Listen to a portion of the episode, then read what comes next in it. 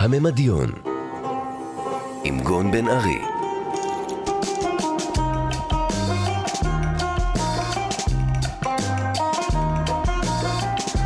שלום, כאן גון בן ארי, אתם על הממדיון, תרבות מממד אחר, בכאן תרבות. מדי תוכנית אני משוחח עם אורח או אורחת על אה, מה שנקרא פעם מיסטי או רוחני, והממד הזה בחיים שלהם ושלנו. להיום, במובן מסוים, אה, טראומה היא סוג של אמצעי מיסטי. אה, מקובלים יהודים יסבירו לכם שחלק מהפרקטיקה המיסטית שקשורה במעמד הר סיני, קשורה בבקשה לא אפשרית מהיהודי לזכור אירוע שהוא לא נכח בו. אנחנו שומרים את מצוות השם, ואנחנו שומרים אותן בגלל שניתנה לנו התורה על הר סיני. אבל אני ואת לא היינו בהר סיני, לכן אנחנו מתבקשים להיות מושפעים מזיכרון, למרות שאנחנו לא בטוחים שהוא בכלל היה קיים. טראומה גם היא סוג של זיכרון שלא מרפה. אירוע שלמרות שכבר אינו מתרחש במציאות של ההווה, ממשיך להשפיע עליה. איתי באולפן השחקנית המדהימה דניאל גל, ביחד נדבר, כמו שרומזת uh, כותרת ההרצאה המצליחה שלה, על הקשר בין טראומה וגאולה. שלום דניאל. איזה כיף על כל מה שאמרת, שלום. אמן, אמן, אמן, שלום לך. אה, רק אגיד לצופינו, מה שנקרא, שאפשר לשמוע אותנו גם כהסכת באפליקציה של כאן ובכל אפליקציית הסכתים או מוזיקה שבה אתם נוהגים להאזין להסכתים, ובמשלב הזה בדיוק. אה, אנחנו נתחיל עם שאלה קבועה קצת לאורחים שלנו. Uh, בגלל שאנחנו מדברים פה בתוכנית, אנחנו מנסים למצוא מילים לדבר על מה שנקרא פעם החוויה המיסטית או הרוחנית, אבל מילים שאין עליהן את האינפלציה של uh, קלישאה וניו אייג' והבעייתיות שמונעת מאיתנו לגעת בזה. שאלתי אלייך היא, האם הרגשת, uh, מתי לראשונה בחייך הרגשת שיש משהו מעבר למה שנראה, למה שיש ומדובר? מתי פעם ראשונה הרגשתי? אני חושבת שמאז ומעולם. אה, נראה לי שנולדתי ככה. יכול להיות שזאת נטייה מולדת? זהו, פתאום אני חושב גם שאולי השאלה האמיתית היא מתי הפסקת להרגיש, כי קצת נולדים בהרגשה שיש משהו מעבר תמיד, וזה נסגר. אני נולדתי למשפחה שבה אימא שלי היא חוזרת בשאלה. ואני חושבת שהיחס לדת, או מה שנהיה מהדת, או כל מיני, אתה יודע, כל, מיני, כל הפרשנויות של הדת, איך שאימא שלי ראתה אותם, היה משהו שצריך קצת להשאיר מחוץ לדלת, כי זה היה המרד שלה. כן. ואני תמיד הרגשתי את זה, אבל הרגשתי שאין לי לגיטימציה להרגיש את זה. כן. ואולי רק בשנות ה-20 שלי, אולי אפילו המאוחרות, הרגשתי את הלגיטימציה מתוך עצמי, ואמרתי, אה, ah, מה שעשיתי בילדות כל הזמן, מין טקסים, לחלוטין היו לי טקסים אה, שהם תפילה, או שהם הסתכלות על מה שאי אפשר להסתכל עליו. אה, פתאום בגיל, לקראת 30 אפילו, הבנתי ש... אה, זאת אמונה, זאת, זה מה כן. הדבר הזה שלא רואים. כן, כן, כן. את, את מסרטטת אותו, תהליך שאני חושב שאני מרגיש הרבה בסביבות הדור שלנו, ש, אה, קצת דור שני ליוצאים בשאלה. שנהיה איזשהו טאבו חדש בבית, שהוא הדיבור על הנשגב, כי עבור ההורים שברחו ממסגרת דתית uh, קשה, זה, זו, זו הטראומה, אז בוא, כאילו אסור לדבר על זה בעצם. ממש, אז זה כאילו, זאת, זה היה המרד שלה, ובאיזה אופן, הפוך על הפוך, המרד שלי בא, או בזה, זה לא ספציפית אליה, אבל בזה אה, היה להגיד, אה, אני בן אדם כן מאמין. כן. כן. אבל ממש. זו שאלה אינטימית במובן מסוים, אז תרגישי חופשי, אבל אה, אה, את יכולה לתאר לנו את אחד הטקסים שאת זוכרת מה, מהילדות? כן, הם בטח, בטח. הם רובם היו דברים מאוד מאוד פיזיים שקרו לי, אבל אני זוכרת נגיד שכל ערב, כשהייתי נכנסת למקלחת, הייתי מסתכלת נורא נורא קרוב בראי. עד שכזה הייתי קצת מאבדת את הפוקוס בעיניים, כן, ושהפנים. מתחילות להשתנות. ושואלת את השאלה, אומרת עם השפתיים, עם דיקציה נורא נורא ברורה, מי אני? ממש ממש סנטימטר מהראי. עכשיו, זה מין איזה טקס כזה, שאין לי איך להסביר אותו. הייתי עומדת מול המראה אצל סבתא שלי ורוקדת, אבל רוקדת כשהיד ימין שלי כל הזמן כאילו מעל הראש שלי, אני חבל שאי אפשר לראות בפודקאסט, אבל היא הייתה כל הזמן מעל הראש שלי, והרגשתי כאילו אני הבובה, ויש יד מעליי שמכוון את כל מה שאני עושה. אז זה היד שלי, אבל אני הבובה, וכאילו היא שולטת בי, ומי ניסיתי, אתה יודע, לדמות בגוף שלי כן. כל הזמן את הדבר הזה שלא רואים. מעניין מאוד מה שאת מתארת, כי מלבד החוט המקשר בין שתי החוויות האלה, שהן חוויות uh, מיסטיות די מובהקות, גם uh, שימוש במראה היה מאוד נפוץ במיסטיקות מסוימות. כישוף בימי הביניים המון פעמים משתמש במבט למראה עם, עם אור. אבל מה שמעניין אותי כשאני שומע אותך מדברת זה דווקא השאלה של הזהות. אה, גם המי אני וגם אותו הריקוד שאת מתארת, שבו משהו מפעיל את הגוף, זה קצת השאלה הגדולה של... מי מה, זה? מה זה, מה, זה, מה זה זהות? כן. אה, מה זה זהות?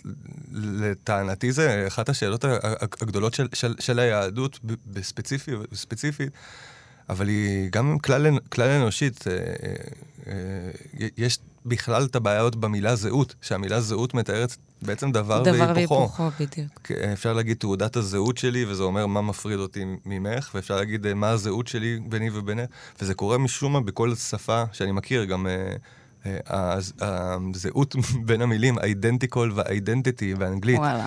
זו, ה identity זה מה מפריד אותי ממך, identical זה מה, מז... מה מחבר אותי אלייך.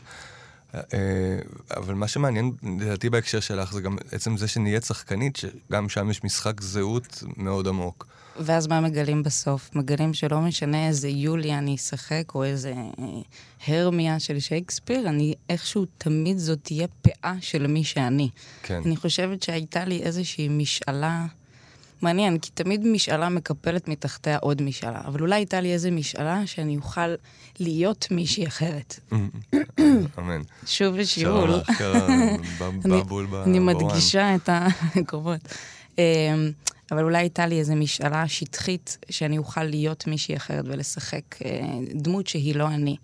ואז את מגלה כשחקנית, אחרי מספר אה, מאוד גדול של דמויות שאת משחקת, שזה תמיד את. כן. יוליה זה בעצם, ת, ת, תיקח דף ריק, והוא יהיה לבן לחלוטין, הוא יהיה רק אור, אבל תכתוב עליו את המילה יוליה, יש בו קצת פחות אור, האור מצטמצם ויש חושך בצורה של האותיות. של י' וו' ול'. י' ו' ל' וזה, וזה כבר אומר משהו, תכתוב על דף ריק את המילה אבא, מיד זה הופך להיות כל הקונוטציות של אבא שיש לך. אבא כן. שלך, כל הריבים שרבת איתו, כל הדברים היפים שהוא אמר לך, הזמן שהוא היה בבית והזמן שהוא לא היה, מיד זה קונוטציה. אז, אז כך גם, גם יוליה וגם הרמיה וגם כל הדמויות ששיחקתי, הם, הם מיד שלי ואני, ומיד זה אני בפעולות שלהן, ואין לי מה לתת חוץ ממני, ויש לי את כל כולי לתת. כן, כן, אז, כן, כן. כן. מדהים. מה, קרה אז, אם ככה, באזור גיל 30, שהתחלת לחשוב אחרת על הממד הזה? אה, אני לא חושבת שהיה מין רגע כזה, כן. אבל הייתי ממש ממש צריכה גאולה, אם כבר הזכרת את, ה, את ההרצאה שלי, שבאה בעקבות זה ש... הנה עוד מילה שיש לי בעיה איתה, שחשפתי את הטראומה שלי. אה, למה? למה? מה הבעיה עם... מה הבעיה עם המילה חשיפה? כן. חשיפה מציעה שהיה מה להסתיר. כן, אוקיי.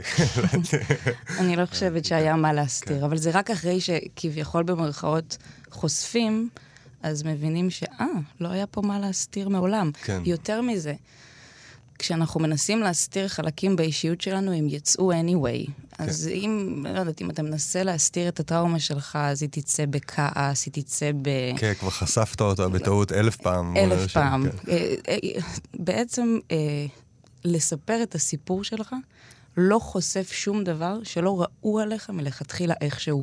וואו, אמן. כנראה על הגוף בדרך כלל. אה, אה, וואי, אני כל כך מבין מה את אומרת לצערי. כן, כן. באיזה דרכים את מרגישה שחשפת את הטראומה שלך לפני שיצאת מהארון איתה? אה, וואו, אני, אני, יהיו לי מגוון תופעות אה, פוסט-טראומטיות. צריך להגיד שמדובר על טראומה מינית שקרתה בילדות אה, לאורך שנים. אה, אה, ואז בגיל 24, סדרה של חלומות, הכי by the book, סדרה של חלומות, ואז פלשבק ראשון, אחריו עוד עשרות, ומגוון מאוד רחב. אה, רגע, אני רק אסדר את זה לקוראינו. עד גיל 24 לא... הדחקה מוחלטת. לא הבנת שמדובר בכלל במקרה שקרה. לא, אפילו לא ידעתי, לא, אם היו שואלים אותי אם יש לי טראומה מינית, אז ממש ממש לא. כן. אה, אפילו צא מפה מיד. כן, נכון. כן, כן, כן. אה, מעניין, ועד גיל 24 הדחקה מוחלטת, חוסר ידיעה על הדבר, גיל כן. 24, כל מה שאמרתי, ואז באמת מגוון של תופעות פוסט-טראומטיות שגואות, ואז יש התקפי חרדה יומיומיים והתקפי זעם, שבאמת גורמים לכל מי שאני אוהבת רק להתרחק ממני, ובצדק, והמון המון תופעות אחרות, מסיוטים כן. וכן הלאה. כן. ו- ו- ואז אז איך, איך התחילה החתירה לגאולה מתוך, ה... מתוך הציפה של החומר הזה? אמ, אני חושבת שנדרשתי שוב ושוב, כמובן שסירבתי בהתחלה, אבל נדרשתי שוב ושוב לשנות את השפה שאני משתמשת בה. אה, אני, אני חושבת. ואני אפילו אגיד משהו שהלוואי ויהיה לי זמן להסביר אותו, והלוואי ואני יודעת איך, כי אני לא בטוח יודעת איך. וגם זה כנראה בסדר. מצוין, אה, מצוין. אני, אה, אני חושבת שבתוך כל טראומה, אה, הקלאסיקה של כל טראומה, ובטח טראומה מינית, היא בושה ואשמה. והרגשתי המון המון זמן, המון בושה על העובדה שאני אדם שצריך שיסתכלו עליו, ו- וצריך שיאזינו לו, וצריך את התשומת לב. הרגשתי צומי. ממש היה לי מין מנטרה כזאת בראש. שאני, בתוכי, יש מפלצת שכל הזמן צריכה תשומת לב, כן. ולכן הטראומה המינית הגיעה לי. כאילו, זו המנטרה שהייתה לי בראש במשך שנים. גם תמיד אמרתי לעצמי ש... שהצורך שיקשיבו לי ויאזינו לי זה צורך נחות ופתטי ועלוב ולא אלגנטי. כן, מבין. ואתה יודע, לימים עשיתי מזה גם פרנסה כשחקנית, כן, כן, כן, כן. מהצורך הזה. אמ, ואז, ואז התחלתי להסתכל על הדבר, על, ה, על, ה, על המין הענישה הזאת שאני ניסחתי לעצמי, והבנתי בעצם ש, שהדרך הכרונולוגית שבה אני מסתכלת על דברים היא אסון גדול מאוד. רגע, מה זאת אומרת? זאת אומרת שזה לא שקודם אני הייתי צומי, אחרי זה עשו לי מה שעשו לי כעונש, ואחרי זה, שנים אחר כך אני אומרת, כואב לי, קשה לי, עוד פעם צריכה כן, תשומת לב, כן. משתמשת גם בטראומה כתוכן לעבודה כשחקנית. ו- אה, ואז עוד, אתה יודע, עושה מזה כסף כן, גם זו, בסופו של זו, דבר. זו לא בהכרח הנסיבתיות של הדבר, את אומרת. ממש. הכל היה שם תמיד. נגיד נחשוב על זה כדייסה גדולה. הצורך בתשומת לב היה שם תמיד, אבל הטראומה הייתה שם תמיד. גם לפני שהיא התחילה אצלי, היא הייתה כנראה אצל אימא וסבתא וסבתא של סבתא, כי טראומה מהסוג הזה היא טראומה שעוברת דורות. כן. היא לא, היא, היא לא התחילה אצלי אף פעם.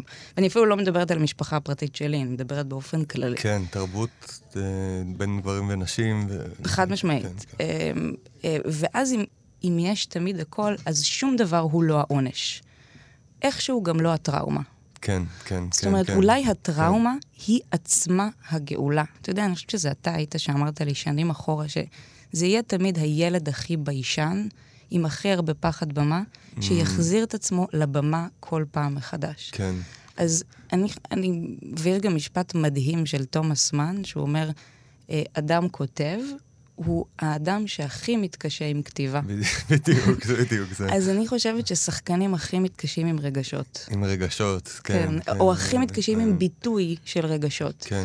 ואני כן, חושבת שמשהו, אני לא יודעת איפה ננטע הזרע, אבל אני חושבת שזה הכל אותו דבר. אני חושבת שהטראומה היא עצמה הגאולה, וזה לא חלילה בשביל חלילה להצדיק אה, טראומות מיניות ומעשים נוראים, אלא הטראומה היא עצמה הכוח, הכאב הוא תמיד הכוח. כן. אפרופו שיחתנו המאוד ארוכה על, על גיבורי על, כן, זה בדיוק מה שעולה לי בראש כן. עכשיו. אה, אה, ש- שאתה תמיד נותן לי את משה כ- כאיזה אב טיפוס של כל גיבורי העל בעולם. כן. ותמיד אפשר לשים לב שהטראומה עצמה של כל גיבורי העל, ולכולם יש טראומה, היא תמיד עצמה הכוח. כאילו, כן. העובדה שסופרמן הוא לא מכאן, כן. הוא, הוא, זה אמנם הטראומה שלו נורא בודד, הוא לא מכיר את טראומת ההורים שלו. הגירה. טראומת הגירה. הוא, הוא, הוא נורא בודד, הוא לא יכול להביא ילדים עם אהובתו לואיס ליין, כן. אבל מצד שני, בדיוק מאותה סיבה, יש לו כוחות על. בדיוק. אז- וכנ"ל אה, כנ"ל בטמן, שדווקא בגלל, נראה לי הוריו מתו במאורת עטלפים. אה, נפל נכון? לאיזה כזה, מאורת נפל עטלף, לאיזה מאורת כן, עטלפים. כן. אז הכוח שלו מגיע מהעטלף, ספיידרמן ננשך על ידי אה, עכביש, אז עכביש. בדיוק.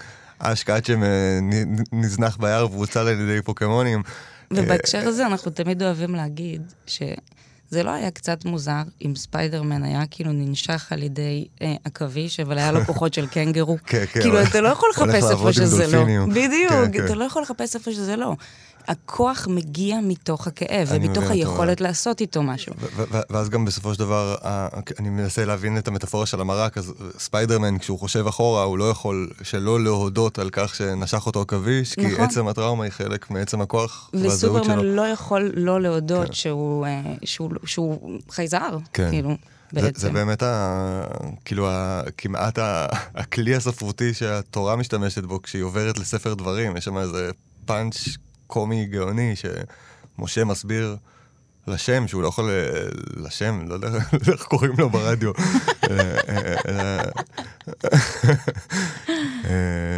מסביר ל- לכוח שמדבר איתו, שהוא לא יכול להיות האדם שישחרר את היהודים מהעבדות, כי הוא ערל שפתיים, אה, הוא כבד מגמגם. לשון, אה, לא, לא איש דברים אנוכי, הוא אומר. אז בום, ספר הבא, ספר דברים, שמשה כתב. בדיוק. המורה כן. לדיבור מגמגם. בדיוק, בדיוק. בדיוק. מגמגם זה גם תמיד מזכיר לי את הגם וגם. היה משהו גם וגמי כן. עם אה, משה, אז זה מגמגם. גם כן ה... זה קצת מה שקורה אולי לכל מי שעובר טראומה, הוא אה, או נידון או זוכה להיות רגל פה רגל שם, רגל אחת עם הנדחים בגלל הטראומה ורגל אחת עם המצליחים בגלל הכוח. גם, אז, אז נכון. אה, אה, אה, אה, עבד שגר במשפחת המלוכה, קצת במקרה של, של, אה, של משה. ממש. זה, זה, אה, כל אדם פוסט-טראומטי נדרש לגם וגם. אני, אני חושבת, האמת שאולי כל אדם פשוט, בואו לא נפריד אה, אותנו הפוסט-טראומטיים, סליחה, אבל באמת כל אדם נדרש לגם וגם. ואני חושבת שהגם וגמיות הזאת באמת דורש איזו הת- התייחסות שפתית, ממש צריך להעלות את זה על הכל. הקול שלנו צריך לדבר את זה כל הזמן. לדבר את, את הטראומה? את הגם הגם, וגמיות כן. של העולם. הבנתי, הבנתי. הבנתי. את המורכבות, יש פה מורכבות להחזיק. כן. אגב, אני לא בטוחה שיש לאנשים פוסט-טראומטיים יותר מורכבות להחזיק מסתם אנשים שלא אוהבים את עצמם מספיק. אני ממש מבין. יכ- יכול להיות שזה באמת מעין זרקור כזה, קצת כמו שגמגום, ש... אולי בגלל זה ממש קוראים לזה גם וגם, אבל, אבל קשה לדעת שאני ואת כאנשים פחות מגמגמים, למרות שאני לא יודע אם לא היו מגדירים אותי כמגמגם בשלב זה, ברדיו לפחות. אבל uh, כולנו מודעים לכך שמה שהולך לנו בראש כמחשבות לא יוצא אותו דבר במילים. כן. אבל מי שמגמגם, כל- כלומר שיש גם את העולם הרוחני, שיש בו מחשבות, וגם את העולם המעשי, הגשמי, והם לא מתחברים טוב. ומי שמגמגם, כביכול יש לו זרקור על העניין הזה. אז אולי כל טראומה או אה, פגיעה אה, מכוונת איזשהו זרקור על, החוויה האנושית, בגלל זה... אני אשתמש במילה שאני מאוד מאוד מאוד לא אוהבת אותה עוד פעם, אבל אה, אני חושבת שהטראומה מסמנת גם את השליחות באיזשהו כן. אופן. ויש לי בעיה מאוד גדולה עם המילה הזאת, אבל זה שלי עם המילה אישית. שליחות. כן, בטח. את יכולה ש- שנייה לשרטט את הבעייתיות עם המילה? אני יכול לדמיין מה הבעייתיות מצידי, אבל ב- בגלל ש... בתור אדם משיחי, אני, אני פשוט חושבת ששליחות מציעה בהכרח שזה בשביל אחרים, וזה תמיד בשבילי. אני היום, אה, יש לי המון המון הרצאות שאני עושה בעקבות הטראומה שלי, והרצון שלי הוא לספר את הסיפור שלי מול אנשים, וזוהי משאלה שלי. וזו משאלה בעצם לחזור ולדבר את שפת הגאולה שוב ושוב. יכול להיות שאנשים מולי צריכים את זה, הם כנראה כן, אבל בעצם מי שאומר את אותו דבר שוב ושוב, כנראה הוא צריך לשמוע את זה ממש. לא לא יכול להיות שגם שם יש איזה גם וגם? חד משמעית, אבל יש חלק שפחות נוח לי איתו. כן, כן. בסדר גמור, בסדר גמור. הממדיון, עם גון בן ארי. אנחנו רק אה, נזכיר לקוראינו, אה, שמי ששואל את עצמו, וואו, אמרו הרבה פעמים את המילה גם וגם, מעניין איזו תוכנית זו. כאן וכאן. התוכנית בכאן וכאן נקראת אה, הממדיון, שמי גון בן ארי, מולי דניאל גל, ואנחנו מדברים בין היתר על אה, ההרצאה שלה, טראומה וגאולה. מטראומה לגאולה, כן. מטראומה לגאולה, אה, סלח לי השם.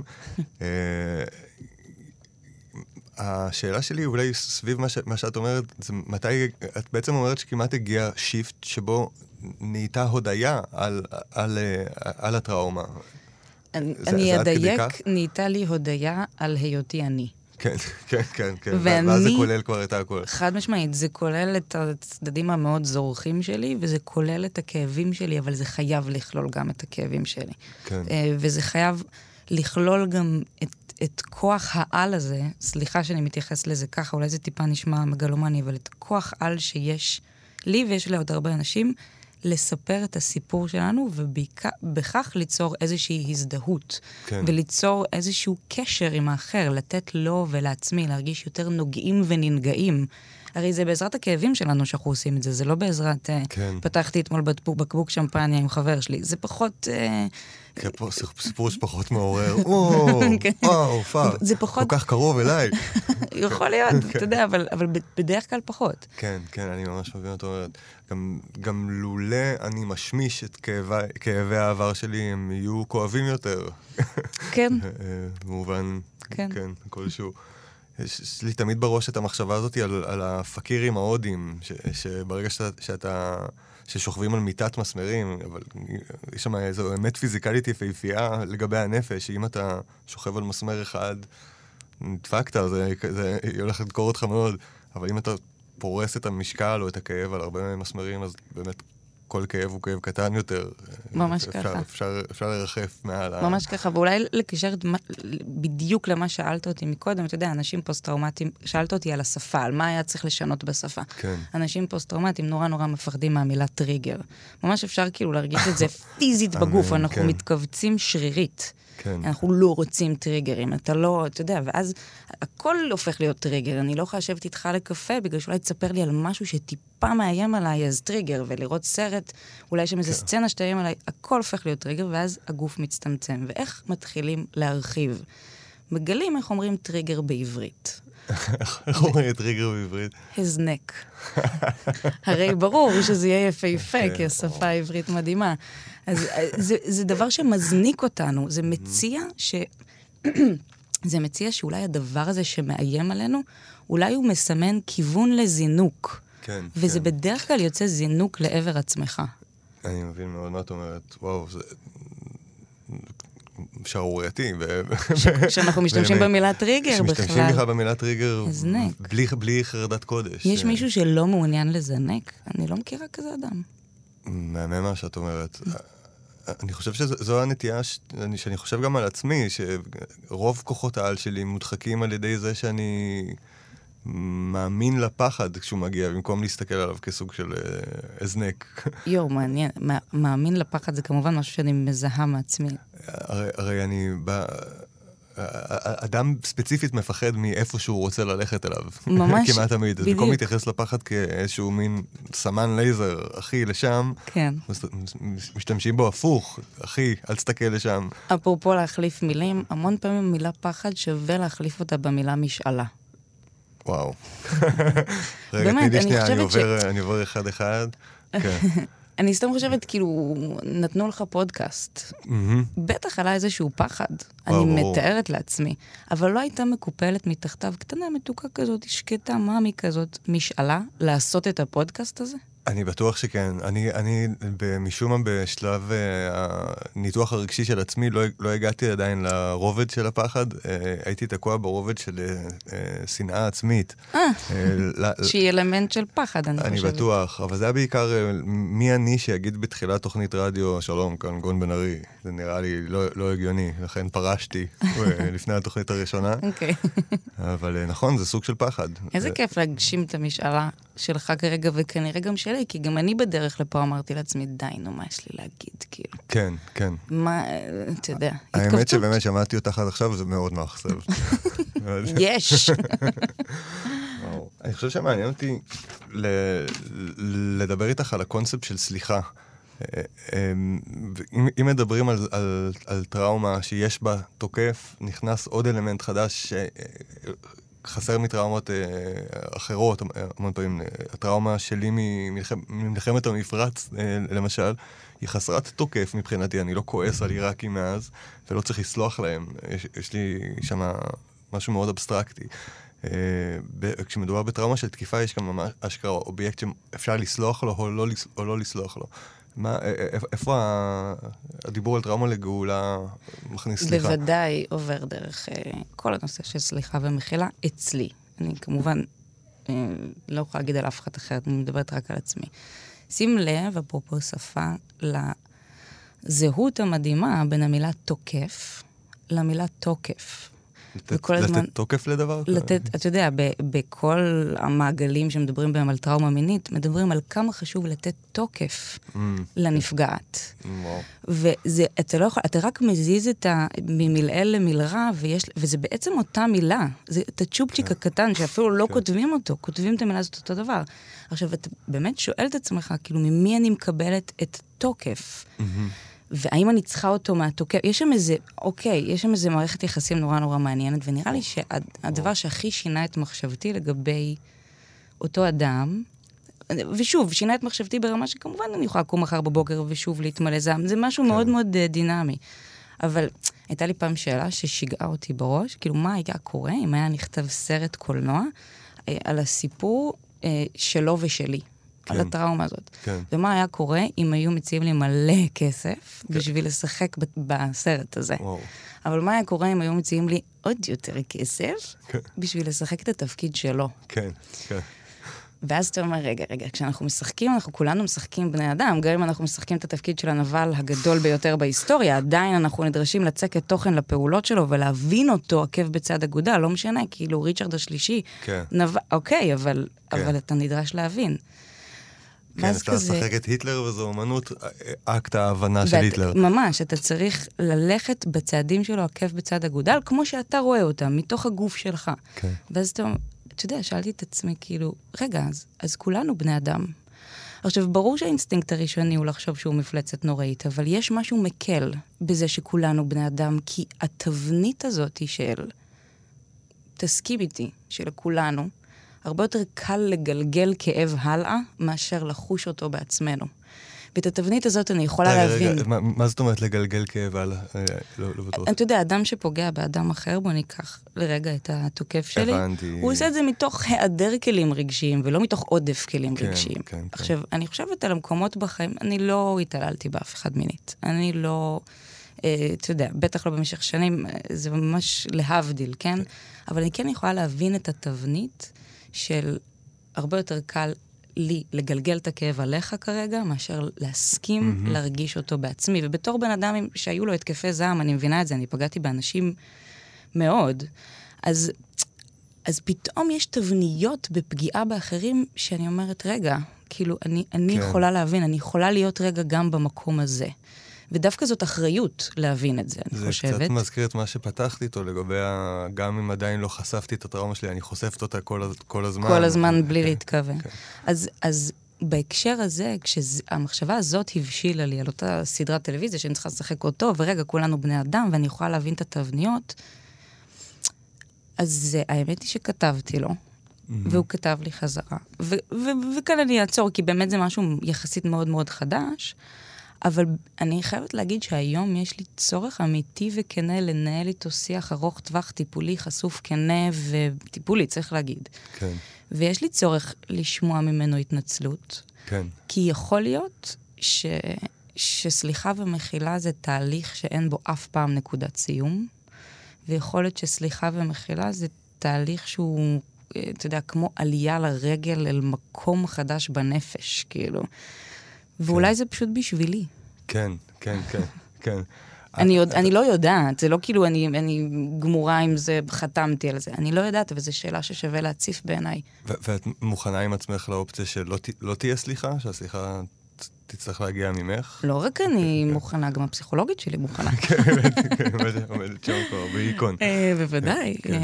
אה, אמ, בוודאי שאני אה, מוכנה, ואז אולי את התוקף שאני כל כך רוצה לקבל, אני שוב אצטרך לפנות אל עצמי, ולקבל את זה מתוך עצמי, אה, מתוך החלק בי שהוא התוקף. כן, כן. אה, כי אם אני ארצה או לא ארצה, הוא היה חלק ענק מחיי. בואו נגיד את זה, אה, אתה יודע, בכנות. כן, כן. זה, זה מאוד מאוד כואב אולי, אבל הוא היה חלק ענק מחיי. אז להכחיש את זה, זה כמו להכחיש את הנפש של עצמי. כן, כן. אני לא שם יותר. כן, כן. מהמם, מזל טוב, שלום לך. שלום לך. אני, מעניין אותי כשאת מנסה לדמיין באמת את עצמך דרך עיניים של אה, תוקף, האם נכנסות לזה גם שאלות של ג'נדר? אה, אני חושב שבימינו המון, כשאני מסתכל על, על תנועת המיטו המבורכת וכל מה שעולה עם זה, ואני חושב על איך, איך הולכת להיראות המחשבה על זה בעוד כמה שנים, כאילו לאן זה יתפתח, אני חושב שיש שם עוד איזה דור המשך שגם מדבר פנים גברית. על מה גורם לגברים להיות, כמובן בלי... בלי אה, להוריד אחריות או אשמה, בלי להוריד כן. אחריות או לתת לגיטימציה לכלום, דווקא כדי למנוע בעתיד, לבדוק מהם הדפוסים שבהם אה, אה, כגברים נכפנו גם לתוך איזושהי פרדיגמה של מה אמור להיות אה, נכון, לא נכון, מושך, לא מושך אה, וכו'. שוב, אני אומר נכפנו, את יודעת, אני, אני, אני מעולם לא תקפתי, הרבה מחבריי מעולם לא תקפו. זה בסדר, אל, אל תכניס התנצלות שם, נכפתם. זה, זה, זה לא כפייה שבאמת כפתה את כולם באותה רמה, וזה מה שתנועת המיטו יכולה להגיד עכשיו, הנה, יש אנשים עובדה ש, ש, שהם בסדר, ויש אנשים...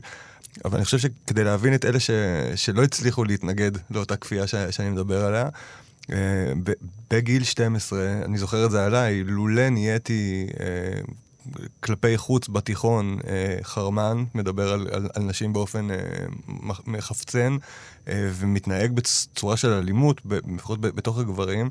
הייתי נחשב לא גבר סלש חוטף מכות פיזית. בטוח. כלומר, היה עונש פיזי על לא להיות... ואגב, את החינוך הזה עושים ועושות נשים וגברים ביחד. זאת אומרת, זה לא רק גברים מחנכים גברים, זה גם נשים כן. מחנכות גברים לזה. כן. זאת אומרת, כן. אנחנו, יש לנו אחריות. אני חושב, אתה יודע, אם אתה שואל אותי מה הפתרון או מה השלב הבא, אני חושבת שכבר יש הרבה מאוד צעקות של זה, אבל קודם כל, צריך לעשות כמה דברים. זה קודם כל חינוך.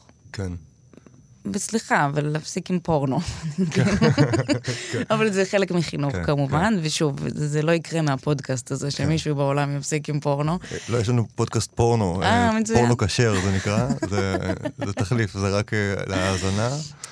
אבל גם אני חושבת שיש אה, אה, אתה יודע, מדברים המון על החמרת ענישה. כן. אז אני חושבת שבמקום להחליש את התוקף הפוטנציאלי, צריך לחזק את הקורבן הפוטנציאלי, בעזרת באמת חינוך. ואם כבר קרתה טראומה, אה, אני הייתי מציעה לכל ערוצי הטלוויזיה, התקשורת או וואטאבר, להפסיק להציג נשים שעברו, נשים וגברים, סליחה, שעברו טראו, טראומה מינית, בצורה שבה לחלוטין אין בה גאולה. וואי, וואי, וואי, אני, אני מזדהה איתך לאללה, אבל אין לי, לא עולה לי שום דוגמה לראש, את יכולה לתת לי... אני, אני יכולה להגיד ש... נהרסו לה החיים סטייל? כאילו זה היה, כאילו הדיאלוג הזה? לנתקפת, אה, כמובן יש זכות להרגיש כל מה שהיא מרגישה, וגם אני הרגשתי כן. שנהרסו לי החיים עד, עד לשלב מסוים. כן. אה, אבל המון פעמים, אתה יודע, אני התראיינתי לכתבה, אה, כש... אה, סיפרתי את הסיפור הזה, והכותרת הייתה כוכבת האגד. אני אגיד את זה שוב, כוכבת האגד חושפת את הבור השחור של חייה. הכל במשפט הזה בעייתי, כי אני, יש לי שם, אני לא כוכבת אגד, אני דניאל גל. ואני, ושוב, אני ממש מודה ששיחקתי בתאגד, תודה לאל ולציון רובין, אבל כאילו, אני דניאל גל. כן.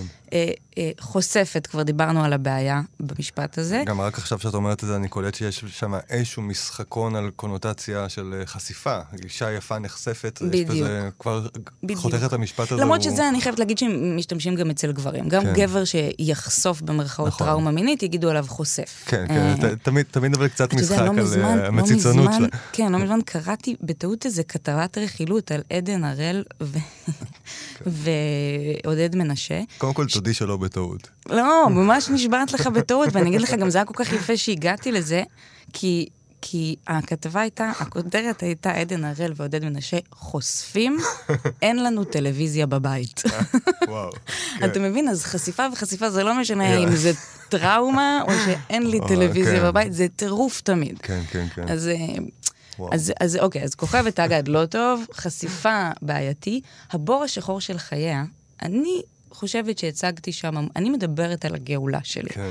ומה יקרה עם מישהי שעוברת את זה כרגע, בת 15 או 16, כרגע קורה לה משהו, רואה את הכותרת הזאת, והיא רואה את הבור השחור של חייה, ומישהו מכשף אותה להרגיש ככה. כן, במקום לכתוב דניאל גל מדברת על הטראומה המינית ועל הגאולה ממנה, או כל דבר אחר. כן. זאת אומרת, יש לי עוד כמה ניסוחים בראש, חוץ מכוכבת, האגד, חושפת את הבור השחור של חייה. כן, ושוב, זאת הייתה חמור. כתבה שאני מאוד גאה בה, והם, והם עשו עבודה נהדרת מעבר לזה. אבל יש איזושהי רעה חולה, והיא נקראת הפוליטיקלי קורקט. כן? איך זה, איך זה מתקשר לפוליטיקלי? בגלל שכרגע, אה, פוסט עידן מיטו, אה, כל פעם שמדברים על התעללות מינית, או טראומה מינית, או תקיפה מינית, או אונס, או כל דבר, חייבים לעשות את זה, כאילו להחמיר נורא נורא נורא במילים. כדי חלילה לא להכשיר את זה. אבל, אבל אם אני מדברת על טראומה ועל גאולה, אני חלילה מכשירה פגיעה של מישהו במישהו, זה אסור, נקודה, כן. אין שאלה. כן. אבל יש לנו אחריות, ובטח לתקשורת יש אחריות על המילים שאנחנו וואו. משתמשים בהם. לא חשבתי על זה מעולם, זה, זה כמעט כמו לצעוק כל כך נגד סרטן, שאל תרפאו אף אחד מסרטן, זה יחליש את אה, איך שנראית המחלה. ממש, ואני כאילו אומרת, אני פתאום שנה לתוך ההרצאות שלי, אני כאילו נורא נורא עסוקה באיך יכול להיות שאני מרצה עדיין, אני מרצה על הדבר הזה, איך זה יכול להיות? אני עדיין בפליאה נורא גדולה. ואני פתאום מבינה שהכוח שהניע אותי, חוץ מהצורך שלי לספר את הסיפור ולשמוע את עצמי מספר את הסיפור ו whatever, כן. לי, בכל שנות הפוסט-טראומה הפעילה שלי, מעולם לא הייתה אה, דוגמה בתרבות הפופולרית, בטח לא בישראל, של אישה שעברה טראומה מינית ענפה, והיא מאושרת. אף אחד לא שם את זה לא בעיתון ולא בטלוויזיה. כן, כן. כאילו, כן, זה פשוט לא... לא, לא מתייחסים לזה. תחשוב על כל הייצוגים בסדרות, בסרטים, וכל דבר מתוסרט וואו. של נאנסות. כן. זה תמיד על הספקטרום שבין, סליחה, בכי ענוג להתאבדות בתלייה. כן, היא כן, אף כן. פעם לא אחרי זה אישה שעושה מנוע אדיר מכל הדבר הזה, וגם מאוהבת, וגם כן. נהדר לה. יש קיל ביל, נגיד, כן. אבל היא יוצאת ממסע רצח מטורף, כאילו, אתה יודע. כן. אפשר... אין אני- אופציה חוקית. אף אחד, אני לא שמעתי אף אחד או אף אחת אומרת, אני פוסט-טראומטית, ואני fucking מאושרת. כן, כן, כן. זה חשוב ממש. זה חשוב לאללה. כי זה לא הבור השחור של חיי, וזה חשוב להגיד את זה. כן. וואו, זה עמוק מאוד מה שאת אומרת. זה, זה עלה- לי הרבה מאוד לאחרונה, שהיה את אסון הרכבל הנוראי הזה ב- וואו. וכולנו הרגשנו איך שהרגשנו מן הסתם, היותנו בני אדם. ואני זוכר שכעיתונאי לשעבר, פשוט הייתי נכנס כל יום לק- לקיוסק ורואה על העמוד הראשון שהכותרות לא, לא, לא רק לא מרפות, אלא גם הולכות ונהיות אישיות על הילד, והכיתוב, כל, כל קופירייטר או סופר אה, גרוע מבין מה האינטרס של הכותב. איתן הקטן צרח לבד ואף אחד לא ניגש אליו. אתה, וואו, הבן אדם בן חמש, נכון. לא יודע, חיסיון לא חיסיון, אבל רק בקטע של אדם לאדם, אולי... אולי זו החלטה אולי- שלו. אולי להשאיר לו האם- משהו. האם להתראיין על זה, האם כן, להש... כן, מה... פשוט להשאיר לו משהו, אה, כן. לזכור לבד, כן, בלי לחשף את הזיכרון שלו. כן, כן, אה, כן. כי הרי הוא יראה את הכתבות האלה מתישהו, ויש אחריות לכותבים. אני חושב שבאמת, אה, אה, להיות בן אדם שמדבר באופן חדשני על טראומה בישראל, כמו, ש, כמו שאת עושה, לא, ברור שמדובר בטראומה אחרת, כביכול, אם אנחנו מקטלגים אותה DSMית מטראומת הלומי הקרב הנפוצה פה. אבל יש בזה משהו מאוד חשוב, כי השתמשנו בטראומה כגורם מאחד. אה, אולי... בשואה. בשואה ואחר כך בשכול. בוודאי שזה גורם מאחד, יש אבל הרבה דרכים פוזיטיביות אה, אחרות להתאחד. אני חושב שהרבה פעמים הבעיה, מה שאתה מדבר מבורות, אבל מהיכרות אישית, שאני מזהה אצל אה, אנשים סביבי ואצלי, על הטראומה שלי, שהמון מהזהות נכרכת סביבה. אה, אני הייתי הרבה שנים ילד שמבחינת עצמו גדל בעוני וחטף מכות, כאילו, בילדות, וכמובן שקראו לי כאין סוף סיפורים, אבל בחרתי את השניים האלה, כי לדעתי זה נתן לי פטור לאלכוהוליזם עד גיל 26. אה, המון פעמים זה, זה מגיע כדי, אתה מקבל דרך זה איזשהו פטור. כביכול, אה, כן. אתה יודע, אני, אני מאוד אוהבת להגיד תמיד, שכאילו לאנשים פוסט-טראומטיים אין שום אחריות על הטראומה שהם עברו. אבל כן, יש להם אחריות מה הם עושים איתה מכאן והלאה. כן. זה, זה פשוט לא יעזור. כאילו, אני, אני, אני חושבת ש, שזה דווקא מעודד, זה דווקא משהו, אה, זה אמור לשפר את מצב הרוח של, של אדם עם כאב כלשהו, כי יש מה לעשות, וצריך בכל דרך לחתור להיות מאושרים, כי נראה לי שזאת מצווה. אני לא בטוחה, אתה ממש כן. מבין יותר ממני בזה. אבל אני, אני, אני מרגישה שזאת מצווה. כן, אמ, ו- וש- וזה תמיד עובר דרך כאב, וזה תמיד עובר דרך עלבון וחוסר אונים, והמון רחמים עצמיים שבוא לא נדבר ממעוף הציפור. היו לי, עדיין יש לי, זה לא, לא קיים. כן. אבל צריכה להיות איזושהי עבוד, עבודה, אני חושבת, ואיזו אחריות שאתה לוקח ללהתרחב, ולא להתכווץ. כן, כן, כן, כן. זה, י- י- יש קווים מקשרים בין, שאת יכולה למצוא בין הטראומה שלך לבין הטראומה הקולקטיבית הישראלית הקרבית? את- אתה שואל אם הלם קרב וטראומה מינית? אני המון פעמים, אני לא יודעת, אה, אני, אני, אני רואה בהם המון המון קווים מק, אה, מקבילים, כמו למשל הבושה והאשמה. כן. זה, זה תמיד עובר דרך זה. אה, אבל אני, אני חושבת ש... אני, לא- אני לא יודעת לדבר על זה יותר מזה. אני, אני חושבת שהסממנים הפוסט-טראומטיים הם המון המון פעמים דומים מאין סוף חבריי שהם הלומי קרב, באמת אין סוף. כן. אני מ- מדור של, אה, כשהיינו בני 18-20 כמעט, היה מלחמת לבנון השנייה. כן. אז ככה, שכבת הגיל שלי, שהמון המון מחבריי הם פוסט-טראומטיים הלומי קרב, ואני רואה בהם המון פעמים מראה. כן, אה, לדבר על זה מעבר, אני מרגישה שטיפה קטונתי. כן, כן, כן, כן. אה, אני מנסה, לחשוב גם בהקשר של אה, מה- שאנחנו מדברים, יש, איזו תיאוריה, בוב סמית וביל ווילסון, שהקימו את ארגון ה-AA במאה הקודמת בארצות הברית, אה, אלכוהוליסטים אנונימיים. זה בעצם ארגון ש, שמוציא אנשים מהתמכרות לאלכוהוליזם, אבל הם פתחו שם איזשהו דיבור מעניין שאין דרך לצאת מהתמכרות כל- כלשהי, או להתגבר על אה, דפוסים אה, בכלל. אה, מבלי להכיר בכוח, בכוח עליון דווקא. מדובר בשני פסיכולוגים אשכרה. אמריקאים. הדבר הראשון שאתה עושה כשאתה נכנס ל-AA, הסעיף הראשון שאתה צריך להודות לפני, יש הרי תוכנית אה, עשרת או 12 שלבים. 12 שלבים. כן. השלב הראשון זה אני מודע לכך שאני לא שולט בפעולותיי, אה, לא אני גרמתי להתמכרות ולא אני אוציא את עצמי אה, מה- מההתמכרות. אני חושב שהשאלה שלי, אה, אה, אני אשאל את זה באופן הכי הרש בעולם, אה, האם לאדם לא מאמין, לדעתך, יש אופציה גם לצאת מטראומה לגאולה? גאולה זה מונח כמעט... שנדרשת אמונה בשביל... זה, כן. זו מילה סופר מפוצצת, אבל זה כיף. כן, כן, כן, נכון, זה כיף. לחלוטין, לחלוטין. גם הנוצרים כבשו לנו אותה, כאילו, שהגיע הזמן אה, סליחה, אנחנו להחזיר. מחזירים אותה כן. עכשיו בהקשר של כן, טראומות. קשה לי לענות על השאלה הזאת בגלל שאני מעולם לא הייתי אדם לא מאמין. אז כן. מעולם לא חוויתי את החוויה הזאת. גם כשניסיתי להעמיד פנים, זאת הייתה מסכה. תמיד, מאז שאני זוכרת עצמי, הייתה בי, היו בי כמויות אדירות של פליאה.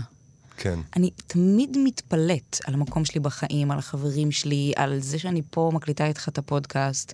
על, אני, יש, יש בי איזו פליאה נורא גדולה שקשורה, קשר הדוק באמונה. קשה לי קצת להסביר את זה במילים, אולי אתה תצליח איכשהו לדובב אותי, אבל אני כאילו, יש לי איזו פליאה נורא גדולה, והיא היא ליוותה את כל חיי. מעולם לא חייתי חיים שהם לא שלי, כן. כך שאני לא יכולה להגיד לא איך זה להיות לא פוסט-טראומטית, ולא איך זה להיות בלי אמונה.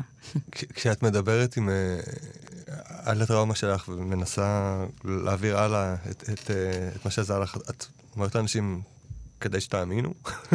לא, אני, אני, אני מדברת מתוכי, אז אני אומרת, אני מאמינה באלוהים, וכחלק מכל מיני אה, מילים שאני מראה שאני מחליפה בהרצאה, אז אני גם מדברת על, על התקופה שבו כל הזמן אמרתי, אני בתהום, אני בתהום, אני בתהום, אבל כן. הדרך שלי להחליף את המילה תהום זה שהקדוש ברוך הוא אומר לי כזה, את רואה כמה נמוך הורדתי אותך? זה כמה אני מאמין שאת יכולה לטפס. אז אני היום מחליפה את המילה תהום במחמאה. ואת כל מה שאמרתי לך עכשיו, אני אומרת מול אנשים, אני אדם שמאמין באלוהים. כן. עכשיו, המון אנשים מאמינים ולא אומרים אלוהים, המון אנשים פשוט מתרגמים את זה לממשק שלהם. יש כל מיני דרכים להיות באמונה, גם בלי להגיד שאתה באמונה. כן. ויש כנראה אנשים שגם לא מאמינים, וזה בסדר. אני פשוט לא, לא יודעת... הם, הכי הרבה שאני יכולה זה לדבר את, את השפה שלי, ומקסימום הם כן. יתרגמו אליהם. זה מעניין, אה, איך- איכשהו אני, אני בפלא על, על עצם קיום השיחה הזאת. אה, זה שזה עד כדי כך נהיה לגיטימי לדבר ככה ב- ברדיו, אה, ברוך. השם. זה נראה לי עניין בין. חמש שנים, לדעתי. באמת, אני לא זוכר את עצמי יושב עם חברים ו- ומנסה למצוא מילים אחרות במקום, במקום לדבר על הקונספט של אלוהים. כן. אם זה אבולוציה לאדם אחד, או כוח עליון לאדם אחר, אבל רק לא חס ושלום לגעת במילת הקוד הזאת. אה, ש, ש, כן, כן, השם, הקדוש ברוך הוא, האין סוף. אפשר להגיד. כן. אה, אה, אני מנסה לשאול פה שאלה אחת אה, קבועה באופן קצת מיסיונרי את כל האורחים בסיום. אוקיי. שהשאלה מגיעה מהמחשבה שלטענתי היומרנית, אה, קצת התנוון לנו, אשרי, התנ... אני, לא- לנו זה לא מילה שאני יכול להגיד עם מבנה האף שלי, התנוון לנו אה, השריר של לדמיין עתיד אה, אה, חיובי. כשמסתכלים על יצירות תרבות אנושיות, כמעט כולן מדברות על עולם רע, דיסטופיה, מראה שחורה, אה, מדמיינים את סוף העולם. שאלתי היא, אה, האם את יכולה לדמיין את אותה גאולה שאת מדברת עליה באופן קולקטיבי? כלומר, אה, יש מצב לעתיד טוב, ואם כן, איך הוא נראה, לטענתך? אז אני אגיד ככה. בשלושה צעדים, בבקשה, כדי שנוכל לעקוב אחרי זה. קודם כל בא לי להגיד שבשביל לדמיין עתיד טוב, אז תמיד צריך להיות בכאן ועכשיו, אבל אז אף פעם לא להפסיק לדמיין עתיד טוב, אבל חייבים לחזור לכאן ועכשיו, וזה מין כזה, מין איזה דו-שיח כזה עוד- שהוא חצי עוד בודהיסטי. גם וגם. כן, חצי בודהיסטי, חצי יהודי, שהוא כזה הגם וגם. כן. אבל אני רוצה להגיד משהו שאני בבירור לא מסכימה עם עצמי שאני הולכת להגיד אותו. מצוין, הכי טוב. כן. אמ, בא לי לדמיין עולם שבו כולם אומרים לכולם הכל. כן, כן. עכשיו, זה בעייתי, וזה לא אמור להיות ככה, ולא ככה נראית הגאולה, אבל לפי דעתי זה הצד השני של המטוטלת מאיפה שאנחנו נמצאים עכשיו, או איפה שאנחנו, מהמם. פחות או יותר.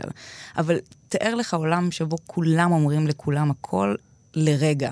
כן. אפילו לרגע אחד, כאילו לאיזה שבריר שנייה, יש מצב שזה איזה תיקון רוחבי מהיר, זה מין איזה זעזוע נורא נורא גדול. כן. ברור שאני לא מסכימה עם עצמי, לא, אבל... דווקא זה מעניין מאוד מה שאת מתארת, כי יש לי הרבה את המחשבה אותי שעיבוד הפרטיות נהיה פחד מאוד גדול בדורנו. רואים את זה מאוד בזה שבפייסבוק, ויש תמיד את המים המוזר הזה שעובר, שאם אתה מפרסם את זה, משכנעים אנשים שאם אתה מפרסם את זה, אתה תגלה מי יסתכל לך בפרופיל. אה, וואו. אנשים משום מה, נופלים לזה שוב ושוב, למרות שבבירור זה כאילו, זה מין מכתב שרשרת אגדה אורבנית. ואז זאת אומרת, כנראה יש לאנשים ממש את הרצון לדעת מי מסתכל לי בפרופיל, וזה מוביל אותי למחשבה של כאילו, מה קורה אם באמת יום אחד אתה מגלה הכל, אתה מגלה כל מי יסתכל לך בפרופיל, וכולם, מה הם כתבו לכולם במסנג'ר, ממש. לכולם בחוץ, ומה בדיוק נאבד בזה, הרי כולנו לא מפחדים מזה. אבל במובן מסוים, באיזושהי פילוסופיה אפשר לדבר על זה שהדבר היחיד שיאבד זה היכולת שלי לשקר אה, ברגע שזה יקרה. את היכולת שלי להסתיר, ואז כן. לאבד גם את אולי שקר יקבל איזה מימד שאנחנו לא כל כך מבינים אותו כרגע, כי מה הוא יהיה שקר כשבי יש את 100% מהרגשות כרגע, ואני מבטאת את כולם, כולם עליך בשבריר שנייה, ואתה עליי, כן. והכל במין התפוצצות כזאת, וזה כאוס מוחלט, וזה אור גדול, ואני כנראה לא מסכימה עם עצמי, אבל תכל'ס זה כיף לאיזה רגע, לא? נכון, לחלוטין, לחלוטין. אז אולי זאת לחלוטין. סוג של גאולה. אמן. אמן. בנימה אופטימית זו, עד כאן הממדיון להפעם, אני גון בן ארי, תודה לאורח שלנו היום. אה, האורח שלנו היום שמו דניאל גל, בבת, אה, בעצם אורחת. אפשר לשמוע אותנו מדי יום חמישי, ב-10, בכאן תרבות וכהסכת, מתי שמתחשק לכם, בכל אפליקציה שנוחה תפסיק לכם. להגיד הסכת. טוב, פעם אחרונה שאני אומר הסכת. Música